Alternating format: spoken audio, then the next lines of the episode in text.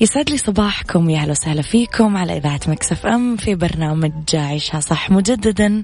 يتجدد لقائي معاكم بس الفرق إنه إحنا في نهاية الأسبوع. يعني مالك عذرة تكون مكشر مالك عذرة تكون حواجبك مربوطة مع بعض. لازم تبتسم لازم تكون سعيد لأن دخلنا في ال weekend وبكرة عندك إجازة فلازم يكون نشاطك عالي ومزاجك عالي.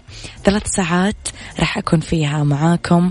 على رقم الواتساب تقدرون تتواصلون معنا على صفر خمسة أربعة ثمانية, ثمانية واحد, واحد سبعة صفر صفر. وعلى at Mix FM Radio تويتر سناب شات إنستغرام فيسبوك تقدرون تتواصلون معنا وتتابعون أخبارنا أول بأول.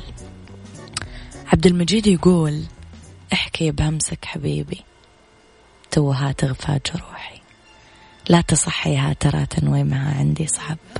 إذا موعد موسم الرياض 2019 كل الناس تتكلم على موسم الرياض. كل الناس تترقب موسم الرياض. مواطنين مقيمين سائحين. كل الناس تنتظر هذا الموعد بكل شغف. إذا خلال الأيام القليلة المقبلة راح ينطلق هذا الموسم. راح يستمر 70 يوم. راح يبدأ من 11 أكتوبر يعني بكرة وحتى 15 ديسمبر وفقا لما صرح به آه، رئيس هيئة الترفيه تركي. آل الشيخ من المتوقع أنه يكون هذا الموسم المقام بمدينة الرياض ملاذ للكثير من السياح والزائرين مقيمين بالمملكة العربية السعودية أو خارجها. راح يضم عروض ترفيهية تتخطى المئة فعالية رياضي مسرحي موسيقي غنائي موضة أزياء سيرك ألعاب مطاعم خدع بصرية عروض حية. راح تقام كل هذه الفعاليات في 12 منطقة مختلفة. بمدينة الرياض عيشها صح مع أميرة العباس على مكتف أم مكتف أم هي كلها في المكس.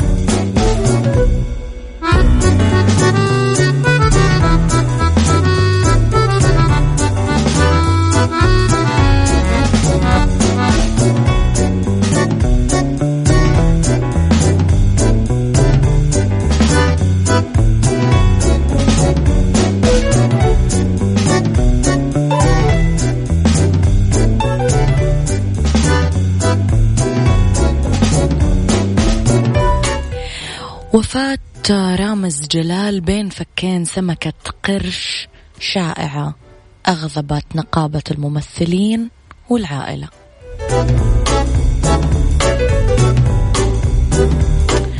إذا شفنا أنه تصدر اسم النجم الكوميدي رامز جلال قائمة الأكثر بحثا على جوجل بمصر بعد ما انتشرت شائعة حول أنه مات إثر هجوم سمكة قرش عليه وهو يصور مقلب جديد تقرر أنه يعرض بموسم رمضان 2020 هالشيء اللي دفع نقيب المهن التمثيلية أشرف زكي أنه يصدر توضيح عاجل أكد في أنه القصة مختلفة بالكامل وأشار ياسر جلال أخوه أنه شائعة الوفاة تم تسريبها وترويجها على يد شخص محترف. آه الصور تأكد أنه آه في صورة هنا مع أحمد سقا وياسمين عبد العزيز ومنى زكي وأحمد حلمي. واضح أنه الأسماء اللي راح تكون مع رمز جلال أسماء كبيرة هذه المرة.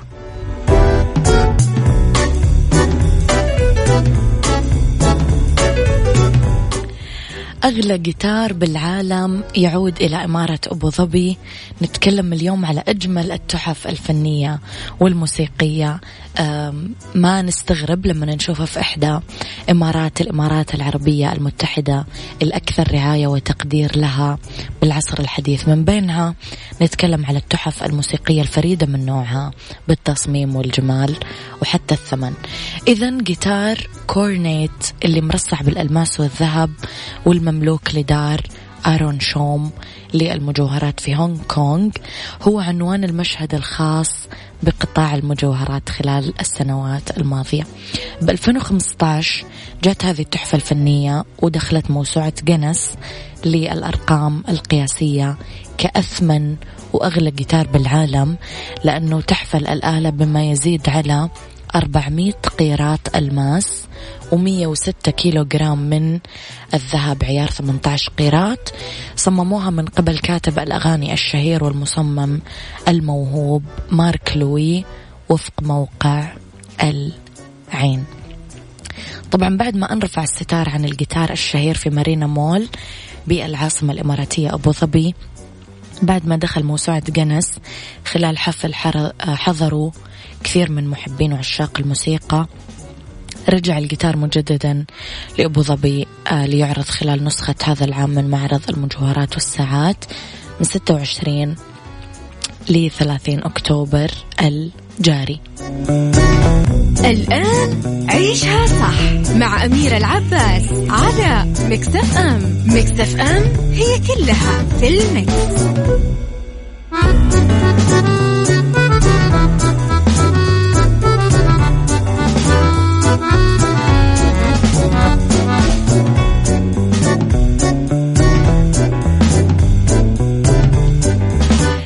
يسعد لي صباحكم يا أهلا وسهلا فيكم في ساعتنا الثانية اللي تبتدئ في هذا الوقت بهالساعة اختلاف الرأي دائما لا يفسد للود قضية لولا اختلاف الأذواق أكيد لبارة السلع توضع مواضيعنا يوميا على الطاولة بعيوبها مزاياها سلبياتها إيجابياتها سيئاتها حسناتها. تكونون أنتم الحكم الأول والأخير بالموضوع. بنهاية الحلقة نحاول أننا نصل لحل العقدة ولمربط الفرس.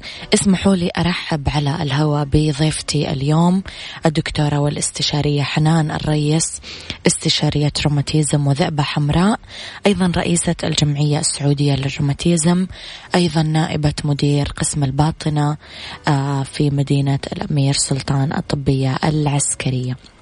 يسعد صباحك دكتورة حنان. يا أهلا وسهلا. صباح النور. نرحب صباح فيك. النشاط. صباح النشاط والحيوية. صباحك أنت. يسعد صباحك بكل الخير يا رب. آه دكتورة حنان تخصصك غريب لو ممكن تعرفين عليه من بعد إذنك. آه، لا إن شاء الله ما هو غريب. هو تخصص الروماتيزم. يعني نادر. يعني إيه. هو ما هو نادر بس الناس ما تستوعب تسمع روماتيزم تفكر إنه اللي عنده بس ألم في المفاصل أو خشونة وكذا هذا روماتيزم. لكن الأمراض الروماتيزمية طبعا هذه تخصص متفرع من الطب الباطني ويهتم في تشخيص وعلاج حالات كل الأمراض اللي تصيب المفاصل العضلات العظام النسيج الضام بصفة عامة. طبعا النسيج الضام موجود في كل جسم الإنسان في الأوعية الدموية في حاجات نسميها التهابات الأوعية الدموية موجود في جدار البطن للقلب للرئة آه، في الجلد في آه، ممكن أي جزء في الكلى في أي جزء في الجسم ممكن يتأثر بأحد الأمراض الروماتيزمية اللي قد تصيبه. طيب دكتورة نعم. بالنسبة للذئبة الحمراء نعم. الذئبة الحمراء هي أحد الأمراض الروماتيزمية. آه وهو مرض مزمن. آه يصيب جهاز المناعة. نسميه إحنا مرض الألف وجه لأنه مو كل مريض يجي بنفس الصورة زي الثاني لأنه ممكن يأثر على أي جزء في الجسم. بس في علامات مشتركة اللي هي التهابات المفاصل طفح في الجلد. نسميه حتى كمان ساعات مرض الفراشة.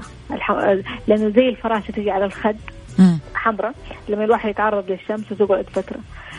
طبعا هي مشكلته مو مشكلة إنه تأثيره على الجلد فقط والمفاصل هو يأثر على أي جزء في الجسم ويأثر عليه تأثيرات كبيرة. لأنه مرض مناعي. نعم. ف لما جهاز المناعة يتأثر كل إنسان فيه جهاز مناعة عشان يمنع الالتهابات صح ولا لا؟ نعم. 100% يحصل في في في, في الأمراض المزمنة المناعية إنه جسم الإنسان ما يعرف نفسه فيحارب اجزائه كانه كأنها أجزاء غريبة كأنها مكروب فيسوي مضادات ممكن تروح للجلد تسوي لك التهابات شديدة بدرجات مختلفة. ممكن تروح للكلى تسوي لا قدر الله التهاب شديد ممكن تأثر حتى إلى فشل كلوي. تأثر على القلب على الأعصاب تسوي مشاكل التهابات شديدة في الأعصاب ممكن زي, زي الجلطات أو أشياء مختلفة. فممكن أي جزء في الجسم يتأثر بسبب تأثر جهاز المناعة. طيب تمام؟ دكتورة لو بنبذة مختصرة نشرح مين هو مريض الروماتيزم وإيش أهم الإجراءات اللازمة آه، لفحصه وإيش اللي يحتاجه المريض بالضبط؟ زي ما ذكرت أنا الروماتيزم كلمة عامة يعني أي مرض يدخل تحتها روماتيزم. بس يمكن تقصدوا أنتم الروماتويد هو أكثر التهابات المفاصل شيوعا. مرض الروماتويد آه، طبعا هذا مرض التهابي مناعي برضه ياثر على جهاز المناعة مزمن ياثر على الغشاء المبطن للمفاصل. نعم. آه، مشكلة هذا المرض إذا ما تشخص مبكر لا قدر إيش اللي يحصل؟ ممكن يحصل فيه تشوهات في المفاصل بسبب الالتهابات المزمنة. يعني في بعض الناس يحس هو ألم بسيط آه، وإنه حيروح. إذا كان في التهاب انتفاخ في المفاصل آه، خاصة المفاصل اليد الصغيرة هو يأثر على أي مفصل في الجسم. بس أكثر شيء مفاصل اليد الصغيرة مفاصل القدم مفاصل الركب. إذا كان في هذا الانتفاخ أكثر من ستة أسابيع مستمر مع آلام مع تيبس في الصباح. طيب مع نعم. عياء إحساس بتعب. هذه كلها دلائل على إنه مرض الروماتويد. أي التهاب مفصلي شديد في جهتين من الجسم يعني في اليدين في الركبتين ومستمر آه، غالبا يكون احتمالية كبيرة انه يكون مرض الروماتويد. فهذا لازم إنه إيش؟ يتشخص بدري. لازم الطبيب المريض يروح لطبيب الأسرة يشوفه ويفحصه ويطلب له الإجراءات اللازمة ويحوله على طبيب الروماتيزم لبداية العلاج. عشان ما يصير لا قدر الله تأثر بعدين وتشوهات. عادة دكتورة مرحلة العلاج المريض الروماتويد تكون حبوب نعم. ولا إبر ولا جراحة ولا كيف طريقة العلاج تكون؟ طبعا يعتمد زي ما قلت هو طبعا الروماتويد زي ما قلنا أكثر شيء يأثر على المفاصل آه لكن ممكن يأثر حتى على الأجزاء الثانية زي زي كونه مرض مناعي تمام؟ نعم. بالنسبة للعلاج على حسب شدة ونوع المرض على حسب شدة وتأثيره. يعني في ناس يجونا ما يتحركوا على كرسي من كثر شدة الالتهاب.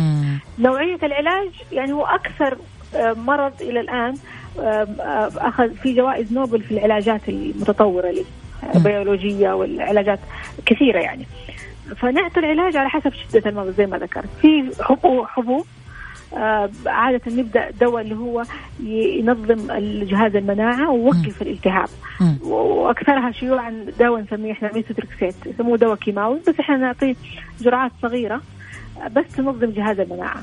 فآمنة يعطى للأطفال لأنه هذا المرض يأثر على الأطفال على الكبار بس أكثر شيء على النساء يعني نسبته عند السيدات أكثر من الرجال تقريبا ثلاثة الواحد فنبدأ إحنا عادة بهذا العلاج عن طريق حبوب. أساس نسيطر وممكن في حالة شديدة من المرض نعطي كورتيزون عشان توقف بس الالتهاب ونعطي فرصة للعلاج الميثوتريكسيت انه يشتغل تمام؟ نعم. خلال ستة أسابيع يستجيب المريض ونزود الجرعة. حسينا إنه ما في استجابة وفي التهابات شديدة؟ ممكن نجي للمرحلة الثانية نبدأ له علاجات أخرى اللي هي العلاجات البيولوجية أو العلاجات اللي هي نسميها تركز على على نوع الالتهاب. ففي أدوية كثيرة نستخدمها على حسب حاجة المريض حسب إيش عنده مثلا أمراض ثانية. يعني يكون مو كل مريض زي الثاني. في مريض مثلا عنده متأثر عنده الكبد في عنده مشاكل في الكلى أو عنده مشاكل في الجهاز الهضمي ما يقدر يأخذ حبوب لازم نعطي له عن طريق الوريد أو عن طريق تحت الجلد. فالتشخيص يتم دكتور على حسب الحالة عادة؟ التشخيص بصفة عامة تعتمد clinically. يعني يعني طبيب الروماتيزم أول ما نشوف المريض حنعرف بالتاريخ المرضي. بوجود التهابات أكثر من ستة أسابيع. بالفحص نلاقي فيه التهابات. تيبس صباحي طيب؟ فتعطينا تقريبا 80% إنه هذا المريض عنده آه، الروماتويد. بعد كذا حيكون في ممكن عن طريق الأشعة التلفزيونية الأشعة العادية تساعدنا في التشخيص. آه، بعض آه، اللي هو التحاليل المخبرية. في حاجة نسميها عامل الروماتويد. في حاجات معينة تساعد في إثبات المرض. لكن تقريبا من 80 90% إحنا نشخص عن طريق كلينيكيا يعني من تاريخ المرض والفحص أكثر شيء. نعم. دكتورة ننتقل شوية للذئبة الحمراء. يمكن هو نعم. حاجة نسمعها قليل أو ما نعرفها أغلبنا. نسمع يمكن نعم. بالروماتيزم والروماتويد أكثر. بس آه، الذئبة الحمراء كيف ممكن يعرف المريض أنه هو مصاب فيها؟ تمام. هو طبعا ساعات بعض المرضى يخافوا لما يسمعوا الاسم. الذئب يقول ليش يعني مخو يخوف أيوه. يخوف. وإن شاء الله إنه ما يخوف طالما إنه في علاج. هو أمراض مزمنة تعرف هذه الأمراض المزمنة زيها زي السكر زي الضغط. لما تيجي للمريض تضلها معه يتحسن. لكن لازم يأخذ العلاج عشان ما يهيج المرض. طيب؟ سموه الذئبه الحمراء لأنه في نوع من الذئاب يعني تلاقي فيها زي البقع بيضة على الخد الشكل. وعشان كذا يسموه كمان الفراشية والفراشة. لأنه زي ما قلت لك إحمرار حوالين الخد. ك كرمز يعني. لكن هو مرض التهابي مزمن يأثر على أجزاء زي ما قلت مختلفة من الجسم. مرض مناعي يسبب المناعة الذاتية. ولما يحصل هذا الخلل في الجهاز المناعي يبدأ الجسم يهاجم بعض الأنسجة في الجسم على حسب الحدة. عشان كذا إحنا نسميه مرض الألف وجه. يعني في مريض يجينا بس بالتهابات في الجلد وفي في المفاصل. في مريض لا يجينا بالتهابات في الكلى يروح لطبيب الكلى. وبعد فحوصات وكذا بعضهم يتأخروا ما يعرفوا. إنه عنده مثلا إنه الذئبه يعالجوا آه، عرفتي؟ لأنه ممكن يأثر بس على جهاز الكلى وما تأثرت الأجهزة الثانية. في بعض المرضى مثلا يجيهم على شكل صرع تلاقيها صغيرة واحدة عمرها 15 20 سنة 30 سنة. وبدأ أول مرة يجيها صرع أو أول مرة يجيها جلطة لا قدر الله. وتروح لطبيب من الأعصاب. كويس؟ فهو ممكن يأثر على أي جزء في الجسم. ممكن يأثر على الرئة. بعض المرضى يجونا قلة طبعا اللي يجيك نزيف لا قدر الله في الرئة. ممكن على الجهاز الهضمي. تمام؟ فهو من العلامات الفارقة لي زي ما قلت الاحمرار الشديد في الجلد. آه تأثرات آه ممكن سقوط شعر آه الشعر ملحوظ. بعضهم حتى يحصل زي الفراغات نسميها آه فراغات في الشعر يعني بسبب السقوط الشديد. آه برضو هذه من أحد علامات الذئبه إرهاق شديد. بعض المرضى يجي على شكل سخونة ويصير عندهم سخونة وطفح في الجلد آه، غدد لمفاويه فيروحوا يفكروا عندهم التهاب مثلا فيروسي بعضهم يروحوا يحسبوا عندهم مرض في الدم. يصير خلط دكتورة فراغات ما أقطع كلامك فراغات الشعر ما يصير خلط بينه وبين مثلا الثعلبة أو خلافه؟ هي زي الثعلبة هي زي, زي الثعلبة. فبعضهم يكون بس يفكرون انه مجرد ثعلبة لكن لما تقعدي مع المريض تلاقي عنده إعياء عنده سخونة أعراض ثانية. عنده آلام في المفاصل عنده أعراض ثانية. تمام؟ السخون كمان تيجي كثير في بعض هذه الحالات. آه فزي ما قلت لك آه يعني تأثرات على الجهاز على الإنسان بصور مختلفة. هذا السبب اللي يخلي تشخيصه ساعات صعب. لأنه المريض يجي وما يعرف إيش اللي عنده يروح لأطباء مختلفين. بعضهم يعرفوا يشخصوا مثلا بعضهم يقولوا مجرد إنه التهاب فيروسي يروح يعطوا له علاج مثلا مضاد ويمشي. فهذه مشكلة التشخيص. لكن لما آه، بالوعي يعني الحين أحسن بالوعي لما يعرف المريض أنه هذا في طفح مزمن عنده كذا يعرف أنه في شيء اسمه طبيب روماتيزم هذا طبيب روماتيزم متخصص في هذه الحالات يقدر يلجأ لطبيب فيدور على التخصص اللي هو يحتاجه. موجودين في كل مكان أو يروح لطب الأسرة يعني طب الأسرة المفروض أنهم يكون عندهم وعي بهذه الأشياء. م. فيصير يقدروا يشوفوا ويشخصوا التشخيص الأولي برضو من أحد الأشياء بالمرض الذئبة إنه ممكن يصير عنده آه، فقر دم شديد لأنه يصير تكسر. في كريات الدم البيضاء في الهيموغلوبين في الصفائح. يعني في حالات كثير تجينا يكون عنده نزيف تحت الجلد بسبب إنه عنده تكسر في الصفائح. ويروح نفس الشيء يروح ناس يحسبوه فيروسي ناس يحسبوه مرض في الدم. وساعات يتأخروا المرضى كثير حتى يوصلوا لنا. وهو في الأخير يكون عنده مرض الذئبه فمهم التشخيص لأنه على حسب التشخيص يكون العلاج. يعني المناسب ونوقف المرض عند مرحلة معينة. نعم. أخيرا. يعني بإذن الله كمان يعني يعني حتى في علاجات يعني جدا متطورة في هذا المرض وتوقف يعني المريض يصير زيه زي أي إنسان عادي. يعني آه، ما أما تشوفي ما تقول إنه عنده مرض ذئب يعيش حياته العادية يتزوج يخلف وتصير أموره كلها كويسة بإذن الله. بإذن الله. طيب دكتورة أخيرا الوقاية من الإصابة بالروماتيزم كيف تتم؟ طبعا نتمنى يكون في وقاية. هي الوقاية على حسب زي ما قلنا الروماتيزم انواع عندك مثلا خشونة المفاصل اللي تجي عند الكبار في ناس تجي عندهم بدري. يعني تجي في سن الأربعين ليش؟ لأنه الطيحات المتكررة تسوي خشونة. عدم الجلوس الصحيح أو إنه اللي يشيل أشياء ثقيلة تأثر برضه تسوي خشونه فإحنا دائما نقول الجلسة الصحية المشي الصحي الرياضة الحركة إنها تقوي الجهاز الهيكلي تمنع الخشونة تخفف من تأثيرها. نقدر نقول في أشياء مانعة زي الامراض الروماتيزميه اللي هو مرض النقرس مثلا م. اللي هو الغذاء الصحي بعد عن الأشياء اللي فيها بروتين كثيرة تمام؟ م. بالنسبة للأمراض المناعية زي الذئبه زي الروماتويد ما نقدر نمنع لكن التدخين مثلا يزيد الروماتويد. نقول له بعد عن التدخين. آه في جينات معينة في ناس معينين مثلا في العائلة لهم قابلية لهذه الأمراض المناعية. فإذا كان في أحد في العائلة ممكن الثاني إذا جاله أي أعراض مبدئية يسأل الطبيب أساس يعالجه بدري. بس إنها نمنع الأمراض المناعية ما نقدر لأنها ما لها سبب معين ما نعرف السبب معين. نعم. دكتورة أسعدتيني اليوم يعطيك ألف عافية. أسعدني لقائك أمانة من الرياض معنا على الهواء مباشرة.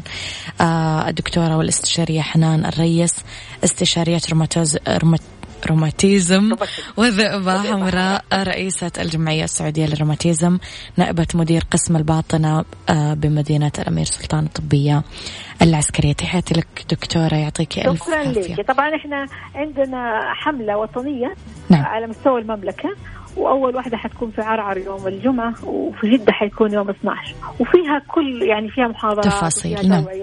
أيوه فإن شاء الله الناس تستفيد منها بإذن الله تعالى. بحول الله تعالى. ألف شكر لك دكتورة تحياتي يا أهلا وسهلا. شكرا, شكرا لكم. استضافتكم شكرا.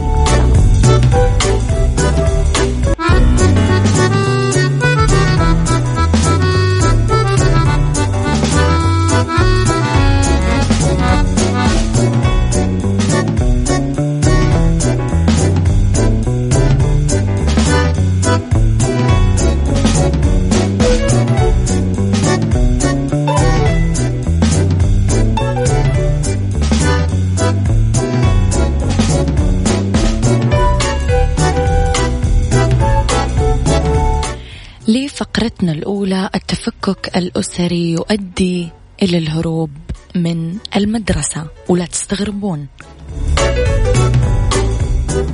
علاقات أسرية واجتماعية مع أمير العباس في عيشها صح على Mix FM Mix FM it's all in the mix.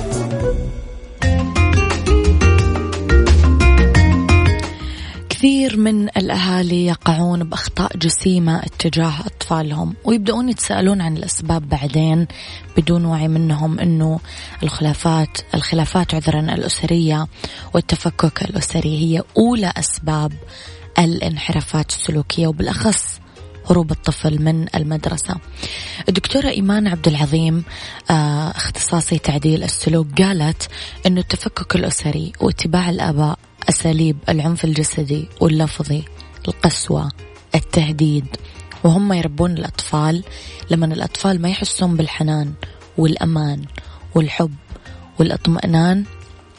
هالشيء كثير يعمل انحرافات أسرية إضافة إلى تسلط الأسرة. الانحراف النفسي تولد نزعة الهروب وكمان لا تستغربون.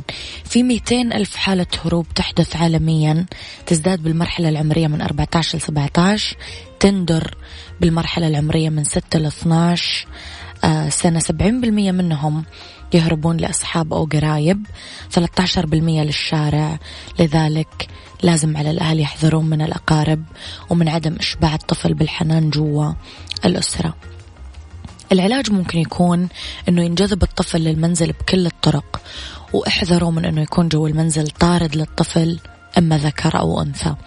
اعرفوا إنه أسلوب التعامل من الوالدين له تأثير عميق كثير بنفس الطفل. احذروا من كل حاجة تشاركونها على السوشيال ميديا. تخلي أطفالكم يكرهون المدرسة. الكوميكات الأشياء اللي تضحك النكات إلى آخره. هذا كثير يؤدي سلبيا على الطفل. خلوه يحس بالنجاح والتفوق وإنه راح يصير له شأن كبير بمجرد ما يستذكر الدروس ويواظب بالحضور والدراسة وإنه أفضل من كثير من أقرانه. احذروا التذمر أو الخلافات الأسرية بمجرد ما يرجع الطفل للمدرسة. آه يبدأ الطفل بدون وعي يكره المدرسة. يعني الأمهات اللي يقولون يلا بدأ النكد الحين بترجع المدرسة وبتبدأ بلا بلا بلا من اللي أنتم تسمعونه. احرصوا على استذكار آه دروس الطفل واستعينوا ببعض الأشخاص أو المعلمين عشان الطفل يتفوق وتتعرفون على مستوى ذكاء. آه بعض الأطفال يكرهون المدرسة لأنه هم ضعيفين دراسيا. اكتشفوا مشاعر الأطفال اتجاه معلمين وبالفصل الدراسي. أحيانا كمان الطفل يهرب لأنه يخاف من المعلم وتأنيبه الدائم. عدم النظام بالبيت يدفع الطفل للهروب. لذلك احرصوا على اتباع النظام والترابط الأسري. لا تعترضون على أسلوب الدراسة والمنهج والتعليم. لازم تبسطون المعلومات للطفل بحب وابتسامة وافتخار بمدى قدرة الطفل على استذكارهم هذه المعلومات. غياب أحد من الوالدين سواء بالموت أو الطلاق أو السفر غالبا يؤدي إلى انحرافات سلوكية الهروب من المدرسة. فلازم الطرف الموجود من الآباء يعطي الطفل مشاعر مضاعفة ويكون كمان حازم ويتبع أسلوب الثواب والعقاب. يعني توفير الاستقرار والهدوء النفسي في المنزل والمدرسة والحب والأمان يخليه حريص أكثر على مستقبله من أجل ذلك. ديكور مع أمير العباس في عيشها صح على Mix FM Mix FM it's all in the mix, it's all in the mix.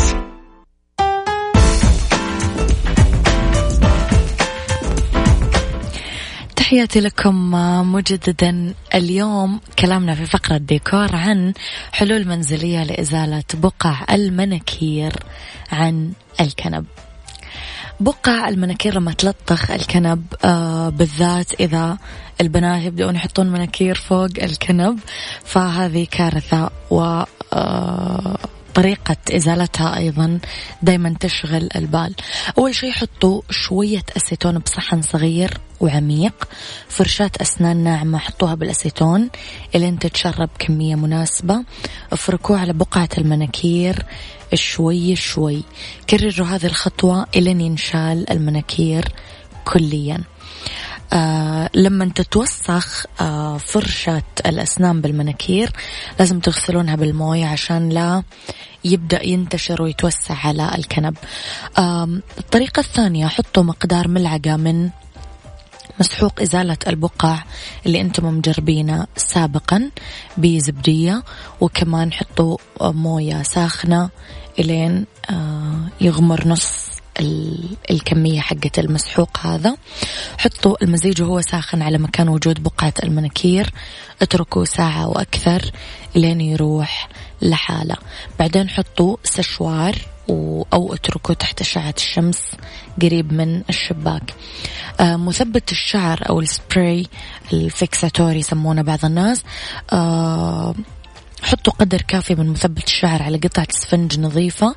وافركوا مكان بقعة المناكير. وراعوا الفرك بشكل دائري من الداخل للخارج عشان لا تتوسع البقعة على الكنب. آه أربعة آه خففوا الكاز بشوية موية وافركوا بقعة المناكير بهذا المحلول بقطعة قماش نظيفة أو فرشة لها أسنان ناعمة. آه، أوكي. لما تستخدمون الكاز يا جماعة افتحوا الشبابيك والأبواب وطلعوا الأطفال من الغرفة آه، بعد ما آه، تخلصون من هذا الموضوع آه، تقدرون أنه ترشون معطر الأثاث على الكنب نفسه عشان تروح الريحة. عمرو دياب يقول أنا غير. أنتم تشوفون أنكم غير.